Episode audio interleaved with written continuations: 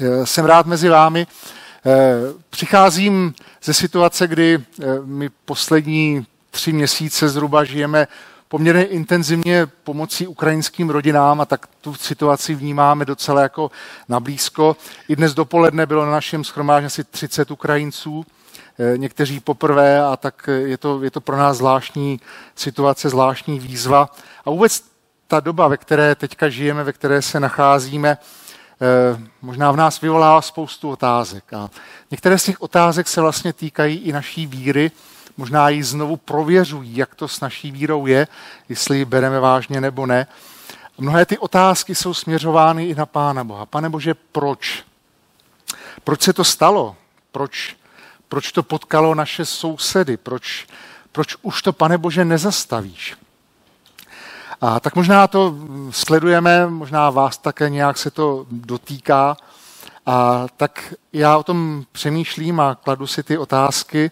I třeba to, že proč ta válka pokračuje dál, když mám představu, že možná za den zazní třeba milion modliteb za Ukrajinu. Co pak to pán Bůh neslyší, nebo proč na to, proč na to nereaguje? Proč už nejedná? Když on má tu moc, tak tomu věříme. A tak se zdá ta situace v něčem možná trochu beznadějná, ale přesto chci vyznat a potvrdit a vést nás k tomu, že můj Bůh je moje naděje. Náš Bůh je naše naděje. Učme se to přijímat, učme se tomu věřit, učme se s tím žít. A mám za to, že ta jiná doba nebo doba, ve které jsme se ocitli, nás může i mnohému naučit že kromě třeba otevřených domů a otevřených srdcí lidí, kteří nějak pomáhají, že Pán Bůh skrze to nás může k něčemu dovést. I když to třeba lidsky nevypadá, tak chci se učit věřit tomu, že On to má ve své moci. A já jsem začal teď na jaře používat ten obrat, že se učím tomu věřit. I když jsem na cestě víry už 36 let, i když před mnoha lety jsem Pánu Bohu dal svůj život, tak znovu se to učím. Učím se spoléhat na Pána Boha, že On má věci pod kontrolou. A tak to je cesta, kterou teď na jaře nějak procházíme, na kterou bych vás chtěl vzít. Že on je ten, kdo má pro nás naději, že můj Bůh je moje naděje. A já jsem možná zaměřen na tu situaci na Ukrajině, ale možná je tu někdo, koho trápí a svírají úplně jiné potíže. Třeba tátovi přišli na, náda, na nádor už ve 40 letech. Nebo někdo se ptá, proč nemůžeme mít dítě? Nebo proč se naši pořád hádají? Proč letí ceny tak nahoru? A dokážeme výjít se svým příjmem? Možná my někdy křesťané takovou pohotovou útěchu, to bude dobré. No jo, ale co když nebude? Co když ten nádor nelze operovat? Co když to dítě nikdy nepřijde? Co když hádky rodičů nikdy neskončí? Co když válka nesměřuje k rychlému konci? Tak nás potkávají různé obtížné situace a možná to dnes platí dvojnásob. Na druhou stranu, nenechme si namluvit, že tohle je nejhorší období lidských dějin a že už horší to být nemůže. Nenechme se demotivovat názorem, že tohle je příšerná katastrofa a že snad lidstvo už směřuje k rychlému a neodvratnému zániku. Pojďme tedy společně otevřít Boží slovo. Přijměme tu naději, kterou zprostředkovává, že nám prezentuje Pána Boha jako Boha, který je Bohem naděje. A také otevřme Boží slovo s perspektivou, kterou nabízí. Vždyť Bible poskytuje náhled nad více než tisícovkou let lidských dějin. A to už není bezvýznamná etapa. A já bych se chtěl podívat do proroka Abakuka, eh, do knihy, kterou možná známe docela málo, ale hned na začátku zjistíme, že on prožíval možná podobné strasti, trable, podobné krize, podobné pocity. Čtu tedy z Abakuka z první kapitoly, nejprve od druhého do čtvrtého verše. Jak dlouho již volám o pomoc, hospodine, a ty neslyšíš.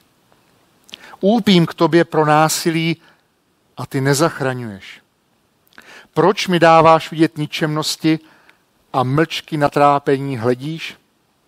Doléhají na mne zhouba a násilí, rozrostly se spory a sváry. Proto je tak ochromen zákon a nikdy se neprosadí právo. Spravedlivého obkličuje svévolník, proto je právo tak překrouceno. Tak už možná z tohohle textu poznám, že Abakuk je trochu zvláštní prorok. Mnozí asi víte, že poslání proroka bylo přinášet poselství od hospodina. Hospodin něco sdělil, zjevil nebo řekl a proroci to přinášeli potom lidem. Měli to tlumočit druhým. A Bakuk jako by to měl naopak. Co si lidé myslí, to on říká pánu Bohu. No, říká, spíš vyčítá, hněvá se, jako by kritizoval pána Boha. Co pak ty neslyšíš? Hněvá se a vylévá ty domělé pocity nespravedlnosti. A když to čteme, říkáme si, je to starý text, ale mohlo by totéž podstatě zaznít i v dnešní době, v této situaci. Je to text starý zhruba 2600 let, ale poslechněme si ho nebo čtěme ho jakoby dnešním úhlem pohledu. Jak dlouho již volám o pomoc hospodine a ty neslyšíš. Úpím k tobě pro násilí a ty nezachraňuješ. Proč mi dáváš vidět ničemnosti a mlčky na trápení hledíš?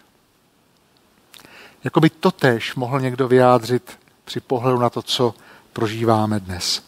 A prorok jakoby nabízel otázku, je pán Bůh vůbec fér vůči svému lidu, vůči svému milovanému izraelskému národu, který trpěl útlak a pán Bůh jakoby v té době vůbec nic nedělal.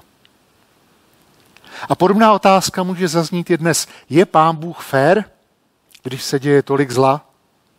Když umírají děti, když se ničí majetek, když jsou násilím rozdělovány rodiny. Je tu ještě nějaký prostor pro naději? A možná mlčky přiznáváme, že tomu nerozumíme. Že stojíme bezbraní, odkázání prostě na jeho prozřetelnost. U proroka Abakuka je zajímavá ještě jedna skutečnost a to je význam jeho jména. Abakuk může se překládat jako obětí, nebo tedy také ten, kdo objímá. A nebo podle jiného pramene jako ten, kdo zápasí, ten, kdo svírá, kdo se pustí do toho zápasu. A z poselství celé té knihy je zřejmé, že Abakuk se nevzdal. Abakuk nepodlehl rezignaci, ale šel dál. Zápasil s okolnostmi. Neodradila ho nějaká domínka nebo pocit, že se pán Bůh vzdálil a že už nevěnuje pozornost jeho modlitbám. Abakuk se snaží i mezi svými vrstevníky rozdmíchat naději. Povědomí o tom, že pán Bůh je spolehlivý a je ten, na koho, kdo je, kdo přináší naději. A tak Abakuk bude se dál modlit, on bude dál volat k hospodinu, dokud bude mít sílu. Dokud mu zůstane hlas, tak ho zvedne v modlitbách stříc stvořiteli a ochránci mocnému Bohu. Abakuk se nevzdává. A jak to máme my? Jak to máš ty? Máme někdy sklony k rezignaci? Chceme někdy nechat všechno být, upadnout do letargie a třeba už nic neřešit? A nebo se zvedneme možná z posledního zbytku sil a chceme přijmout ten boží pohled. Chceme se učit spoléhat na Boha. Přijímat to, že můj Bůh je moje naděje, že náš Bůh je naše naděje. A přijmout sílu k dalšímu zápasu. Abakuk se nevzdal, on nepodlehl rezignaci a v zápětí dostává velmi pozoruhodnou odpověď. Čtu pátý verš. Pohleďte na pronárody, popatřte, ustrnete údivem nad tím, co vykonám za vašich dnů. Nebudete věřit, až se o tom bude vypravovat. Jinými slovy, nebo zjednodušeně řečeno, čeká vás totální změna. Naprostá proměna. Všechno bude jinak. Už si nebudou říkat, jestli ten jejich Bůh je fér, ale budou jásat nadšením, že máme tak úžasného, mocného, milujícího Boha. Už se okolní národy nebudou posmívat, že Bůh neslyší. Budou žasnout a skloní se před jeho mocí, vládou a autoritou Boha, hospodina Izraele. Přemýšlel jsem, jestli jsem nějakou takhle radikální, zásadní změnu prožil ve svém životě. A jedna taková mi přišla na mysl, jedna taková historka, možná i trochu na, na odlehčenou. Bylo to v létě roku 1990, kdy jsme s mojí sestrou cestovali po západní Evropě a navštívili jsme také jedno z mých vzdálených strýčků v Düsseldorfu. On nám přijel na nádraží naproti autem. A když to bylo v Německu, tak pochopitelně tím autem byl Mercedes. A já si poprvé v životě s rozechvělým srdcem, s neskrývaným nadšením, se zářícíma očima, sedl na místo spolujezdce v autě značky Mercedes. Eh, abych možná trošku objasnil ty okolnosti, proč takhle o tom vyprávím, protože u nás třeba nějaká 12-letá školačka téměř denně jako se dává na místě spolujezdce v Mercedesu. Takže přinesme se roku 1990. Jaké byly moje zkušenosti s jízdou v autě? Naši auto v té době ještě neměli předtím žádné, takže naše rodina auto neměla. Můj strýc měl Trabanta. Občas mě dovolil, že mě někam dovezl. A my jsme pak jednou na jedné zborové dovolené takhle s partou mládežníků od toho Trabanta odnesli a schovali do garáže. A on pak se mnou asi půl roku nemluvil. Eh, moje teta na tom byla líp. To byla vdova po válečném pilotovi, měla Varburka. A občas mě také vzala na, na jejich chalupu někde v Českém ráji. Takže to jsem měl tyhle dvě zkušenosti. A ještě jsem měl třetí zkušenost, kdy mě jeden bratr tady z Hradeckého CBčka asi dvakrát vezl do Hořic svým autem Fiatem 126. Možná vy mladší nevíte, Fiat 126, to je takový to auto, bylo, co vypadá jako skládačka z lega a je navržena konstruktérem, který, mě, který měřil asi 155 cm na výšku. Takže už pro mě jenom problém se tam jako, jako do toho auta, auta nasoukat. Tak tohle byly moje zkušenosti s jízdou v autě v roce v létě roku 1990. Trabant, Warburg a Fiat 126. A teď najednou sedím v Mercedesu. Tak nejen, že jsem si mohl natáhnout nohy, ale já jsem ani nedostal na, na, tu, na tu přepážku, tam, kde ta kabina jako končí. A když si strýc sedl vedle mě na sedadlo řidiče, tak on se mě vůbec nedotýkal ramenem. To mezi náma bylo možná půl metru, půl metru prostoru. A když nastartoval, tak to v autě vůbec nesmrdělo. A možná, kdyby se nerozjel, tak bych nepoznal, že má nastartováno. A co víc, my jsme si normálně za jízdy mohli povídat a nemuseli jsme na sebe křičet a ujišťovat se, jestli si, jestli si rozumíme. Takže z Trabanta do pořádného auta, z Fiatu 126 do Mercedesu. To byla pro mě ta změna jako hrom. Jenom škoda, že to bylo prostě na dva dny. E, možná v tom je skryta nedokonalost ilustrací přikázání. Že to pro mě byla jenom chvilková záležitost. Zatímco izraelskému národu pán Bůh nabízí vlastně trvalou změnu. V něco, co je mnohem delším časovém horizontu. Když přemýšlíme o božích reakcích, o tom, kdy a jak pán Bůh odpovídá na naše volání, na naše modlitby, tak si všimneme, že on málo kdy reaguje rychle. Že to je v Bibli spíš menšina případů, kdyby se někdo modlil a pán Bůh by hnedka něco udělal. Že pán Bůh nejedná ukvapeně. Jeho odpovědi nejsou nějakou instantní nabídkou. V jeho pohledu má všechno svůj pravý a správný čas. Všechno má pravou chvíli. A v této souvislosti je pozoruhodná zmínka třeba o plánu na vysvobození Izraelců z egyptského otroctví. Oni tam prožívají velmi krušné časy. Velmi trpí. A také se intenzivně modlí a volají o pomoc a o záchranu, o vysvobození. A pán Bůh o nějakých 400 kilometrů dál od Egypta si promluví s Mojžíšem a jen tak jakoby mezi řečí mu sdělí, že on přesně ví, co tam ti Izraelci prožívají. Že on vidí jejich trápení, že on přesně zná jejich soužení a že slyší každou jejich modlitbu. Jenže, a v tom je ten paradox, pán Bůh to řekne Mojžíšovi, kterého by to vlastně nemuselo vůbec zajímat, který je daleko, v klidu, v bezpečí. A pán Bůh to neřekne nikomu z těch Izraelců, kterých se to bezprostředně týká. Oni ještě na tu odpověď musí poměrně dlouhou dobu čekat.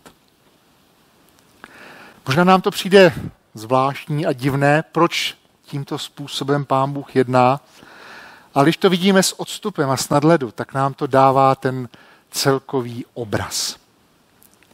A jeli tahle zmínka ujištěním o tom, že pán Bůh slyší modlitby, i když o tom modlitevník vlastně vůbec neví, pak to vlastně může být ve skrze dobrá zpráva. A tak si to zkouším třeba analogicky převést na tu naši situaci. Možná někde daleko, řeknu pro příklad třeba v Jižní Koreji, se někdo modlí a pán Bůh mu říká, já dobře vidím utrpení ukrajinského lidu. Já znám jejich soužení, já slyším úplně každou modlitbu. A já se stoupím. Tak v tom může být povzbuzení, bez pochyby. A na rovinu říkám, je v tom i nejistota. Protože se musíme vypořádat s tím, kdy to bude, jak to bude, jak dlouho ještě a jak to vlastně celé nakonec dopadne. Jak jsem říkal, je to pro mě výzva, o které přemýšlím, kterou se snažím nějak vstřebat, kterou s Pánem Bohem se snažím nějak vypořádat. Jaké je vyústění, jaké jsou možné scénáře. Jak jsem jí řekl, pán Bůh málo kdy reaguje rychle. On má své plány a my do nich nevidíme. Málo kdy reaguje rychle a málo kdy reaguje předvídatelně.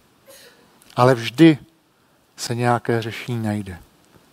Když se dívám na ty biblické příběhy, tak všechna trápení na jednou skončila.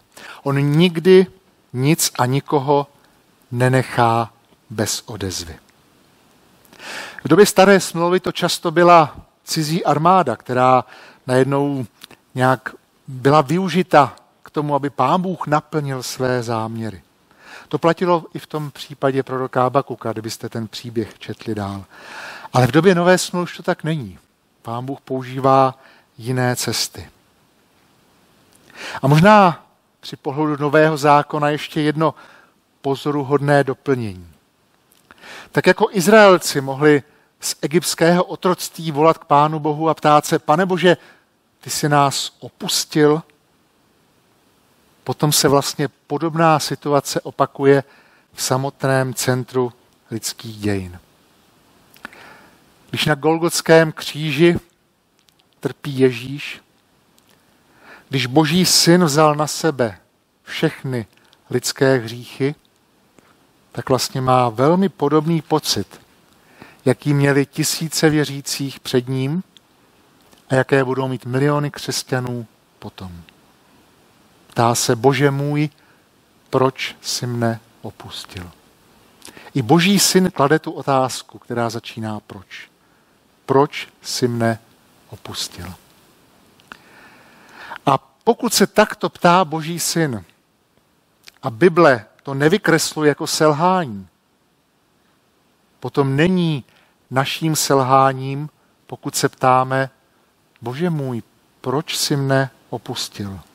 Nebo možná, proč mám dojem, proč cítím, proč si myslím, že si mne opustil? Když byl Ježíš tady na zemi, tak on chodil ve tvých botách. On dobře ví, čím procházíš, jak se cítíš. I teď, i dnes to tak je. A nový zákon nám dává trochu jinou perspektivu než ten starý. Je jasné, že Ježíš už zvítězil, že už vybojoval tu nejdůležitější bitvu a že se změnil poměr sil v duchovním světě. A ta jiná perspektiva nového zákona nabízí i některé možná překvapivé aspekty.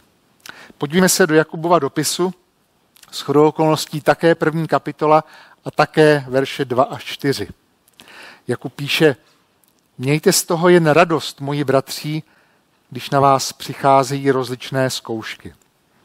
Vždyť víte, že osvědčí se v nich vaše víra, povede to k vytrvalosti. A vytrvalost ať je dovršena skutkem, abyste byli dokonalí a neporušení prostí všech nedostatků. Mějte radost ze zkoušky. Není to trochu divné? Měli bychom odvahu to někde říct z očí do očí někomu, kdo tady hledá úkryt a přišel z Ukrajiny. Není to nevhodné slovo v době války, v době strachu, v době nejistoty. Ale není to naše slovo. Není to můj výrok, jehož já bych byl autorem a musel bych si ho před vámi obhájit. Je to boží princip. A jsem si jistý, že pán Bůh si ho také obhájí.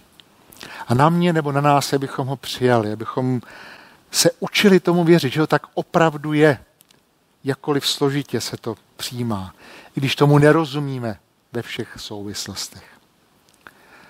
Když ten princip přijmeme jako fakt, jako skutečnost, když mu uvěříme, když zkusíme mít radost uprostřed zkoušky, nebo když se budeme učit mít radost uprostřed zkoušky, byť ta zkouška může být extrémně těžká, kam nás to vede.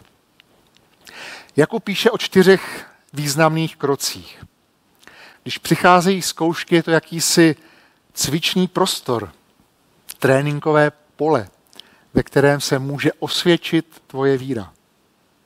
Může povyrůst, může zesílit, můžeš se učit spoléhat na boží vedení a přijmout tu skutečnost, že i tvůj Bůh je tvojí nadějí. Můžeme se učit hledat, kam nás Pán Bůh povede, co je ten další krok. Eh, když se osvědčí tvoje víra, získáš vytrvalost, což je velmi cená charakteristika na dlouhé cesty. Eh, když jsme začali s tou pomocí Ukrajincům, tak jeden náš starší říká, přátelé, to bude maraton. To nebude otázka jednoho, dvou týdnů šetřme síly, rozvrhněme je na delší dobu. A ukazuje se, že měl pravdu. A přijmi to trefné vyjádření, tak proto ho opakuji. K maratonu je vytrvalosti opravdu potřeba. Získáš-li vytrvalost, bude tvá víra přirozeně doplněna skutkem, jak píše Jakub. Protože bez skutků je víra mrtvá. Píše tentýž Jakub v témže dopise. A těch skutků z víry je najednou možná ohromná spousta. Víra se projevuje v praxi, v reálném životě, v blízkém kontaktu. Eh, mám tu jako příklad jednu, jeden příběh z jedné soboty, situace, která mě opravdu dostala. Jak pán Bůh skrze svou církev jednal. Na jedné straně v 8 ráno byla nabídka jednoho bytu, který ani ne někdo ze sboru, ani někdo z přátel sboru nabídl. Jestli chcete, nabízím vám svůj byt, můžete tam ubytovat rodinu z Ukrajiny. Byl to prázdný byt. Byla tam kuchyňská linka a nic víc. Ani jediná lžička, nic. A moje manželka, která tu pomoc nějak koordinovala, rozeslala zprávy po sboru. A v pět hodin večer, kdy přišla ta rodina, ten byt byl kompletně vybaven. Díky spolupráci celého, celé církve, celého těla. Každý přidal něco. Někdo měl lednici nepoužitou, ne, kterou ne, nepotřeboval, někdo měl pračku, někdo měl postel. A ještě v půl pátý volal manželce jeden bratr ze sboru a říká, mám tady dva rošty, kdybyste potřebovali. Tak manželka říká, jo, teď nepotřebuji, já si to budu pamatovat. Říkám, proč to neřekl v neděli, teď to mohl říct druhý den ráno. A když ta rodina přijela, když jsme dali dohromady, tak najednou zazněla otázka, a neměli byste ještě dva rošty? Tak jsme je poslali s tou dodávkou, aby si je tam vyzvedli, vyzvedli přímo. Bylo to úžasné jednání, víra v praxi, víra na skutcích, jak to zapadlo jedno k druhému do sebe. A možná takových přitostí je celá spousta. Když do toho vstoupíme, budeme sledovat, jak Pán Bůh jedná. jak doplňuje síly, jak nás spoje dohromady tam, kde můžeme společně něco přinést, něco zažít. A možná málo kdy v posledních desetiletích jsme kolem sebe měli tolik lidí, kteří jsou na cestě, kteří možná jsou hladoví, žízniví, bez přístřeší. A Ježíš říká, cokoliv jste učinili jednomu z těchto mých nepatrných bratří, mě jste učinili. A tohle všechno, jak tady píše Jakub, nás pak vede k dokonalosti a neporušenosti, bez jakýchkoliv nedostatků. A to vlastně zase z té boží perspektivy nějaký cíl, který nám Pán Bůh dává. Cíl našeho pozemského putování, cíl naší cesty víry. Krásný cíl, ke kterému rozhodně stojí za to směřovat. Cílová brána je odměnou pro ty, kdo doběhnou. A na té cestě jsou zkoušky. Těžké, náročné, bolestivé. Bible nám to nezastírá. Nepíše, že to všechno bude jenom příjemné a hezké. A možná ještě jednu takovou ilustraci nebo jedno přirovnání, eh, které vychází z toho, za co se nám křesťanům někdy nevěřící posmívají. Že k našemu životu potřebujeme berličku v podobě víry. A možná někdy dokonce mají pravdu. Ale říkám si, jestli taková zkouška není právě ten pravý čas zbavit se té berličky křesťanství, kterou si občas sebou vezmeme, a tu berličku nahradit nějakou pevnou holí. Pořádnou sukovicí, s jakou se oháněl třeba Mojžíš. A díky níž potom vyšla voda ze skály a díky níž se rozestoupily vody Rákosového moře. Prostě uchopit naději pevným stiskem. Já si tu naději podržím protože spoléhám na Boha, který je mojí nadějí. Není právě čas na takovouhle změnu? A tak možná na konci se vrátím ještě jednou k té ilustraci s tím autem a můžu poprosit kapelu, aby si by se připravila. E, možná se pokusím to maličko rozvinout jako ilustrativní příklad, možná jako současné podobenství. Když člověk uvěří v Ježíše, je to, jako by přestal chodit pěšky a nasedl do Trabantu nebo Warburgu nebo dokonce do Fiatu 126. A dokonce i takové auto, jako je Trabant nebo Warburg, vás s jistou mírou spolehlivosti doveze do cíle. Chcete-li je Trabantem, Warburgem, tak můžete. Chcete-li zůstat u své počáteční víry, můžete. Jenže v obou těch případech se nabízí něco lepšího. Z Trabanta můžete přesednout třeba do Renaulta nebo do Forda. Svou víru můžete časem posunout od pouhého přijetí zprávy o odpuštění hříchů k živé, aktivní víře, k spolehnutí se na to, že Pán Bůh jedná, že má věci pod kontrolou. A později nás čeká právě třeba Mercedes nebo Audi nebo BMW. Později i naše víra může dorůst do té míry, že bude činná. K víře, která promění celý náš obraz vnímání Pána Boha. Víře, která z nás bude vyzařovat. Můžeme je dál trabantem, ale můžeme přesednout. Můžeme dál věřit v malém, ale můžeme věřit i ve velké boží věci. Můžeme se smířit s tím, že to tak je. Že Pán Bůh je spolehlivým Bohem. A můžeme věřit tomu, že jednou ho poznáme vše. A že budeme respektovat každé boží rozhodnutí. K tomu bych rád směřoval, k tomu bych vás rád pozval. Přijmout fakt a skutečnost, že můj Bůh je moje naděje. Náš Bůh je naše naděje. Amen.